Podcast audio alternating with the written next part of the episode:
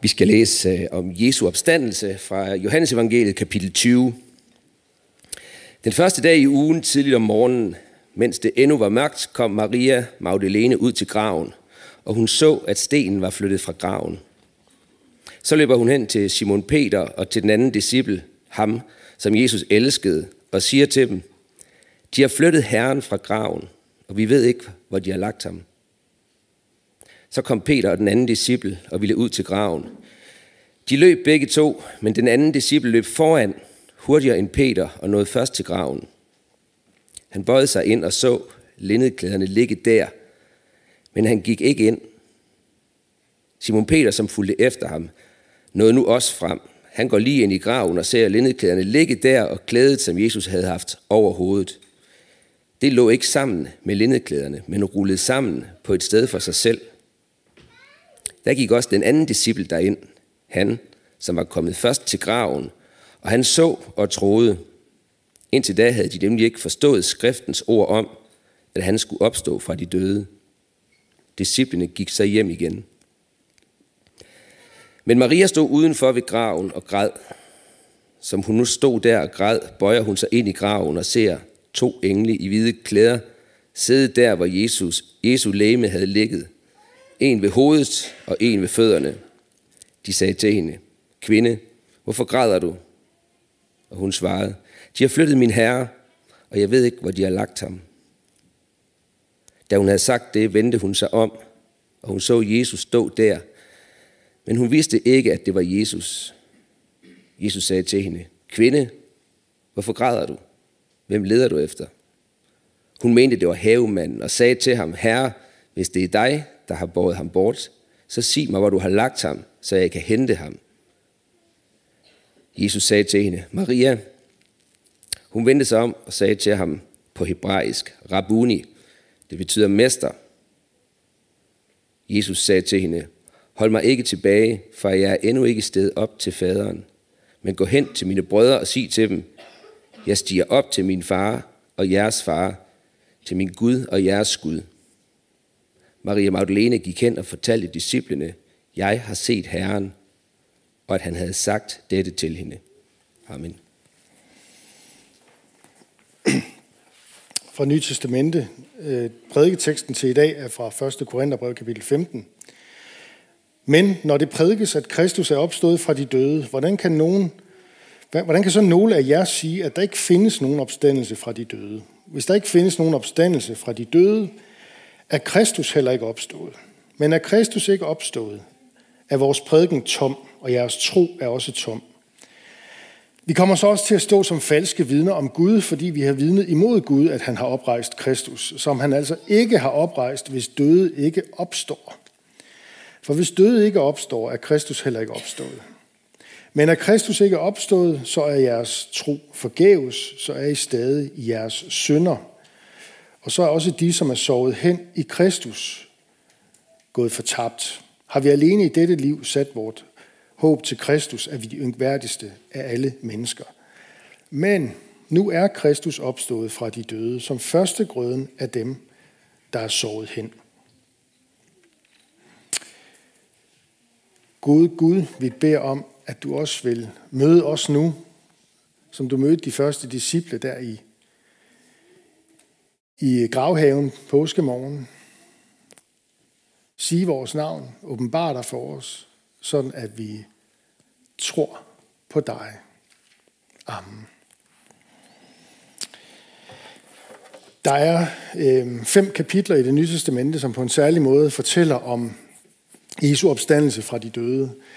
Der er de fire evangelister, øh, Matthæus, kapitel 28, og Markus kapitel 16, og Johannes kapitel 20, som vi lige har lyttet til. Og så øh, Lukas 24, det er i slutningen af alle evangelierne. Og så er der så øh, 1. Korintherbrev, kapitel 15, som vi også har lyttet til en god øh, snas af her. Og øh, for de første fires vedkommende, der øh, bærer de præg af at være øjenvidne beretninger, som er nedfældet for at bekræfte det, som nu skete påskemorgen. Lag I mærke til, at Henrik læste, hvordan vi får sådan i detaljer at vide, hvordan ligeklædet var foldet sammen, og hvor det lå, og så videre. Og sådan. Altså, det, det er sådan meget øjenvidneagtigt. der ligesom skal bekræfte, jamen det er sådan, det skete. Og øh, så har vi så 1. Korintherbrev kapitel 15. Det er skrevet øh, cirka 20 år efter. Øh, man mener, at brevet er skrevet omkring år 53 eller 54. Og menigheden den er få år inden da blevet, øh, blevet til omkring år 50, som følge af Paulus' øh, ophold i Korinth.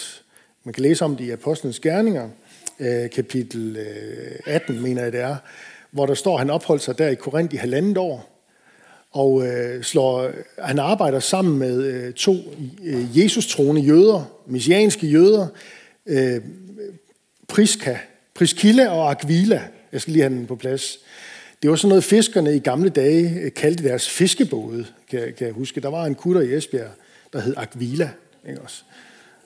Der er ligesom sådan, der er rødder tilbage der, ikke også? Og øh, de her to jøder, de levede altså sammen med Paulus der, og det var der menigheden den blev til, omkring år 50. Og i menigheden her, der har der været en masse ting og spørgsmål, som dukkede op. De sendte for eksempel Øh, bud til Paulus, både via brev og også via besøg, om hvad der foregik i menigheden. Og øh, det er så de ting, Paulus han tager op i sine breve. Der er, vi har to af dem, første og anden Korintherbrev der tager han ting op. Her i første Korintherbrev, der er det blandt andet, han taler om øh, i starten omkring den splittelse, der foregår i menigheden. Han taler om seksuel umoral, social uretfærdighed. Øh, vi læste om det øh, skal torsdag, at der var snopperi i forbindelse med, når de kom sammen for at fejre herrens nadver. Øh, han taler om ægteskab og skilsmisse. Han taler om at leve i et samfund, der er præget af en fremmed øh, religiøs praksis. Kan man spise afguds offerkød? Han taler om nådegaver og hvordan man skal fejre gudstjeneste med tungetale og profetisk tale osv. osv. Og så taler han altså om det her med opstandelsen fra de døde. Og det bruger han et helt kapitel på. Fordi, som vi kan se fra det første, vi læste i vers 12, så er der altså i menigheden nogen, der benægter opstandelsen.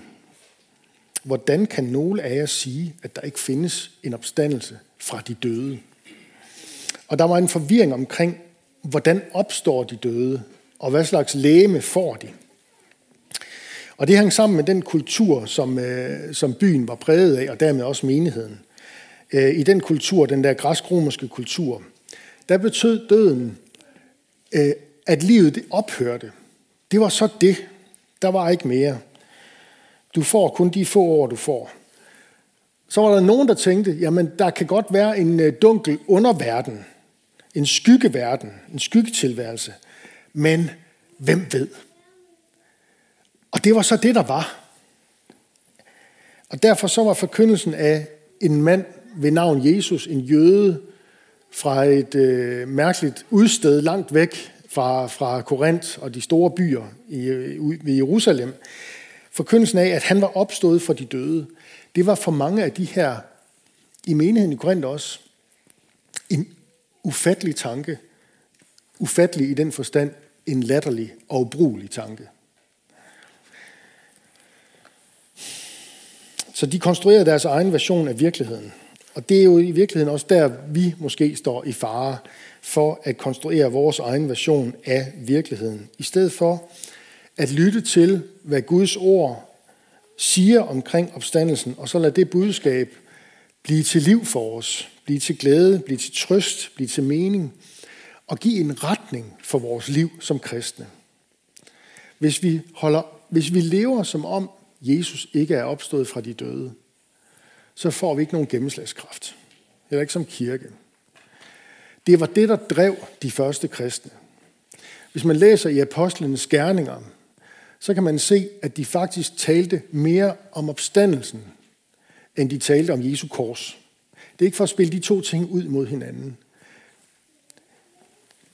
Det er ikke for at nedtone øh, korsets betydning. Men det er fordi, at det, det ord, der lyder fra Jesu mund langfredag til slut, hvor han siger, at det er fuldbragt. Det ord, det er faktisk det, Paulus siger her i 1. Korintherbrev. Det ord vil ikke have nogen værdi eller mening eller kunne give retning for noget menneskes liv, hvis ikke der var et andet ord, der fulgte med. Og det ord, det er, han er opstået. Han er opstået. De første kristne, de levede deres liv i opstandelsens lys. Kristen tro, det er, det er opstandelsestro. Vi kaldes til at leve vores liv i Helligåndens kraft. Den kraft, som var på spil i graven tidligt påskemorgen, og som skabte nyt liv i et dødt menneske. Nyt liv i, for, i den forstand evigt liv. Han dør aldrig mere igen. At leve et øh, opstandelsesliv, at leve i Helligåndens kraft, den kraft, som oprejste Jesus fra de døde, det er at leve som et skyldfrit menneske. Fordi det er fuldbragt. Og det har Gud sat en tyk, fed streg under ved at lade ham opstå fra de døde. De to ting hænger sammen. De to udsagn hænger sammen. Det er fuldbragt. Han er opstået. Du kan ikke sige det ene, uden også at sige det andet. At leve et opstandelsesliv, det er at leve som om og stole på, at Jesus er opstået fra de døde. For det er han jo. Det er det, Paulus siger. Har vi alene i, vores, i dette liv sat vores håb til Kristus, er vi de værdigste af alle mennesker, hvis ikke Jesus er opstået. Og så kommer det der vidunderlige men. Men nu er han opstået fra de døde, som første grøden af dem, der er sovet hen. Det betyder som den første af mange. Som den første af mange. At leve et liv, et opstandelsesliv, det er at dele livet og troen med andre. At leve et opstandelsesliv, det er at give af sin tid og sine ressourcer for andres skyld. For det, det var jo det, Jesus gjorde for os. Og han fuldendte det ved at gå ud af graven påskemorgen. Han gav for, at vi kunne give. Han elskede for, at vi kan elske. Han opstod for, at vi kan leve i kraft af ham. Og ikke i egne kræfter. Det er de to sætninger, som vi forbinder med ham for alvor. Det er fuldbragt. Han er opstået.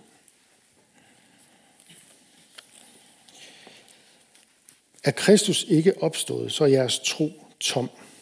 Så er jeres tro forgæves, så er I stadig i jeres synder. Så også de, som er sovet hen i Kristus, gået fortabt, siger Paulus. Men, men, nu er Kristus opstået fra de døde. Hvad betyder det så for os i dag, der lever på så stor afstand af, hvad det var, der skete dengang? Det betyder ikke så meget andet, end det, det betød for dem, der levede bare på afstand af en, en, en enkelt generation på afstand af det. Jeg vil godt øh, nævne en særlig ting her nu, som øh, hænger uløseligt sammen med opstandelsen. Og det er vores syn på døden, vores forhold til døden. Fordi det, at Kristus er opstået fra de døde, det betyder, at vores forhold til døden for altid er forandret. Det er forandret på to måder. Det er forandret i forhold til den biologiske, fysiske død, og så er det forandret i forhold til den åndelige død. Og det sidste, den åndelige død, det er det, Bibelen først og fremmest taler om og beskæftiger sig med. Man kan sige det på den her måde. Man kan være åndelig død, selvom man biologisk set er i live. Og det er faktisk vores helt store problem som menneskehed. Man kan være åndelig død, selvom man biologisk set lever. Et sted i det nye testamente, i den sidste bog, åbenbaringsbogen, jeg har lige taget et slide med her. Øh, nej, det var ikke den. Nå, den tager vi så. Er der ikke den der med den anden død? Har jeg ikke taget den med os? Jo, den kommer der i åbenbaringsbogen. Der, det, det, det er et lidt mærkeligt udtryk, men det hænger lidt sammen nu med opstandelsen. Øh, der taler Johannes om, at den, der har ører, skal høre, hvad ånden siger til menighederne. Og så siger han, den, der sejrer, skal ikke skades af den anden død. Jesus sejrede, da han gik ud af graven, og han giver også del i den sejr. Og her der bliver det sagt på den måde, at så skal du ikke skades af den anden død. Og det er en realitet lige nu. For den anden død, det er den åndelige død. Det er adskillelsen fra Gud. Det er fortabelsen. Og den kan han rive dig ud af her og nu. Salig og hellig er den, der har del i den første opstandelse. Dem har den anden død ingen magt over. Den åndelige død, det er den virkelighed, som Jesus har taget det endelige opgør med, hvor det er fuldbragt. Det, som du nu i livet ved troen befries fra, her og nu. På den måde, der er kristen tro i virkeligheden ikke så svært. Fred med Gud, befrielse fra mørke og fra åndelig død, det er noget, som du i virkeligheden kun er en kort bøn væk fra. Ligesom røveren på korset. Langfredag, der hang der ved hans side og sagde, husk på mig, Jesus. Mere skulle der ikke til. Jesus han svarer, ja, vi to skal i dag være sammen i paradis. Og så kan det godt være, at du ser for dig øh, nogle af de her vidtighedstegninger, hvor Sankt Peter står derop og krydser af, om man nu har opført sig ordentligt og alt det der. Og det kan godt være, at der er forvirring ved paradisets porte, fordi der dukker så mange røver op. Der dukker så mange uværdige og uvidende og kirkeløse mennesker op, uden nogen forudsætninger. Andet end at de har vekslet et par ord med Jesus. Og mere skal der ikke til. Husk på mig, Jesus.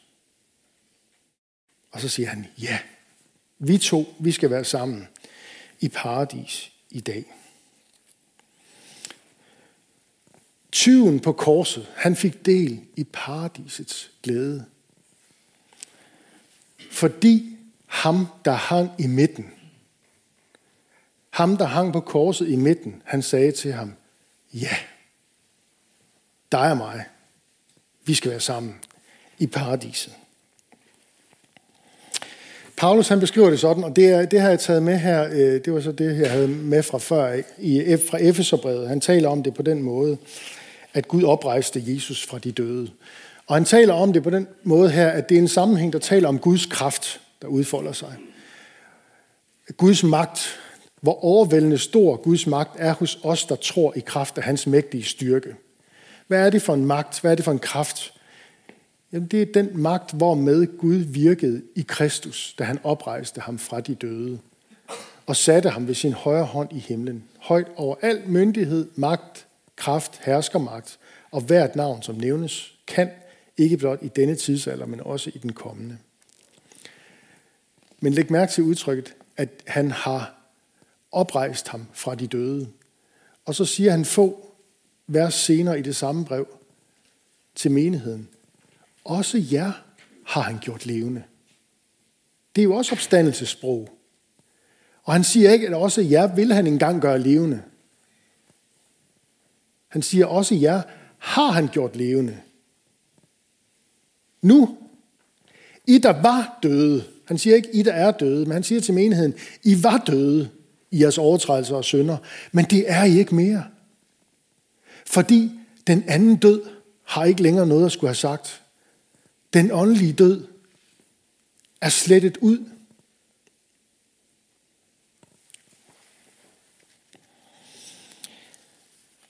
Du befries fra den åndelige død ved tro på Jesus, alene på grund af ham.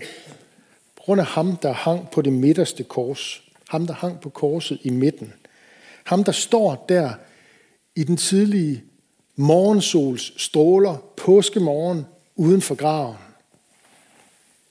Græsset det kilder i hans fødder. Han er opstået fra de døde. Han dør aldrig igen. Hans navn, det er Jesus. Det betyder Herren frelser. Det er ham og ingen anden, der kan befri dig fra den åndelige død, fra fortabelsen.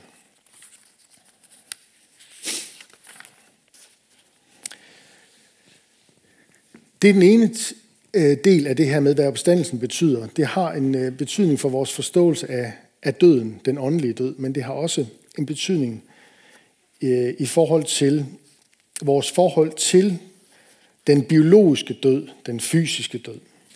Som kristne, der går vi døden i møde, øh, som alle andre. Og så alligevel. Vi gør det jo i troen på Jesus, og dermed i håbet om de dødes opstandelse. Altså de biologisk, fysisk dødes opstandelse. Fordi sådan som det var med Jesus, sådan skal det også være med dem, der tror på ham. De er jo, altså den, den anden død er jo overvundet, den åndelige død. Men når han kommer igen, så skal den første død også overvindes. Den fysiske død, den biologiske død. For vi er både ånd, sjæl og læme. Og det er både ånden, sjælen og læmet, som Gud vil frelse og befri og give nyt liv. Og derfor så kan Paulus tale om det på den måde, at, den, øh, at døden, den fysiske død, det er blot en parentes. Fordi døden har for ham fået en ny betydning. Den er blevet en overgang til noget større. Den er blevet en overgang til noget bedre. Han siger sådan her, for mig er livet Kristus, og døden en vinding. Så man skal lige høre sammenhængen, han taler om død i. Er det den anden død, fortabelsen, den åndelige død, eller er det den fysiske? Her er det helt tydeligt, den biologisk fysiske død. Den er han ikke bange for. Han taler faktisk om den som en vinding. For mig er livet Kristus og døden en vinding. Fordi han er ved troen på Jesus er blevet ført ind i et skæbnefællesskab med ham, og har forstået, hvad det vil sige, når Jesus siger, jeg er opstandelsen og livet.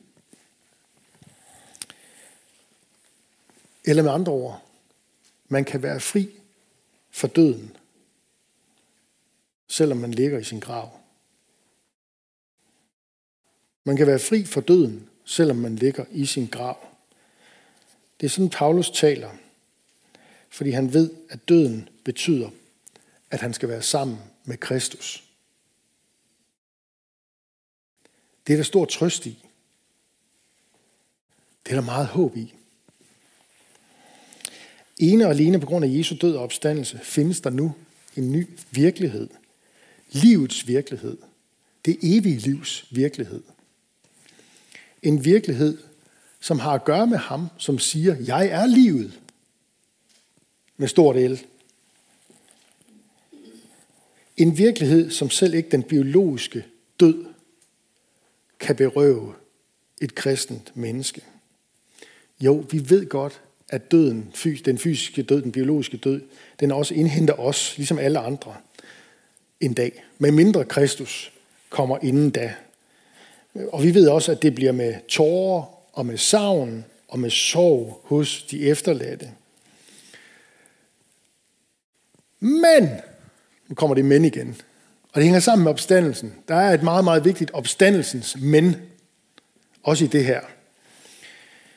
Men vores sorg som kristne, den er af en anden karakter på grund af det, der er sket i påsken. Det er en sorg med håb. Og derfor er der, også, er der også en, der engang har kaldt de kristne sorg for den lyse sorg. Den lyse sorg. Fordi den er båret af en tiltro til ham, som har sagt, han er opstandelsen af livet. Og derfor er den båret af en tiltro til, at døden ikke kan gøre os nogen virkelig skade. Og det kan den ikke, fordi den døde, den som er død i tro på Jesus, den døde er nu i Guds virkelighed.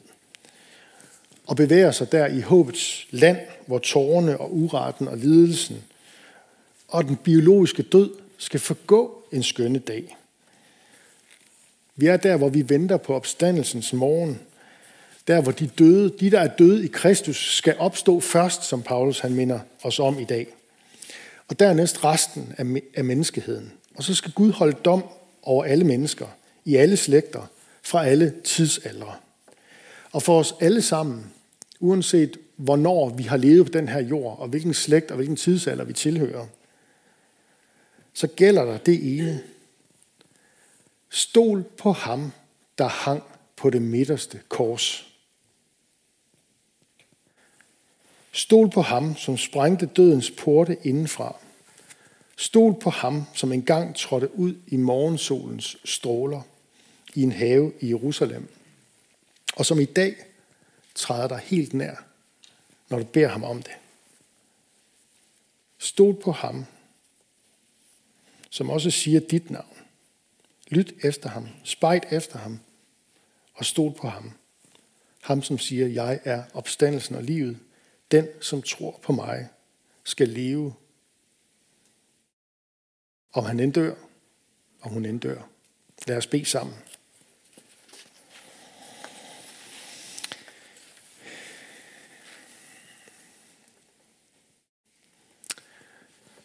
Gud, vi takker dig for det budskab, du giver os igennem dine profeter og apostle i dit ord. Tak fordi, at det er, selvom det er noget, der er talt for mange, mange år siden, så bliver det levende for os ved din ånd. Den ånd, som var til stede inde i graven tidlig påskemorgen, og som skabte nyt liv i Jesu døde læme. Vi ved ikke præcist, hvilke ord der blev sagt, men vi kan forestille os noget i retning af, rejs dig og bliv lys. Rejs dig og gå ud i den verden, som for altid vil være forandret. Fordi nu er der et menneske, Jesus Kristus, Guds søn og verdens frelser, som aldrig mere dør, som sidder ved faderens højre hånd og en dag kommer igen for at gøre alting nyt. Vi beder dig om, at du vil lade vores liv være præget af din opstandelses kraft, sådan at vi øh, lever livet i tillid til dig, glæder os over at være kristne, og har et håb om, at det er sandt, når du siger, at du er både opstandelsen og livet med store bogstaver at den, som tror på dig, skal leve, om han end dør. Tak fordi du allerede nu river os ud af fortabelsens og mørkets greb og fører os over i dit rige, i lyset, i tilgivelsens land. Det takker vi dig for i dit navn. Amen.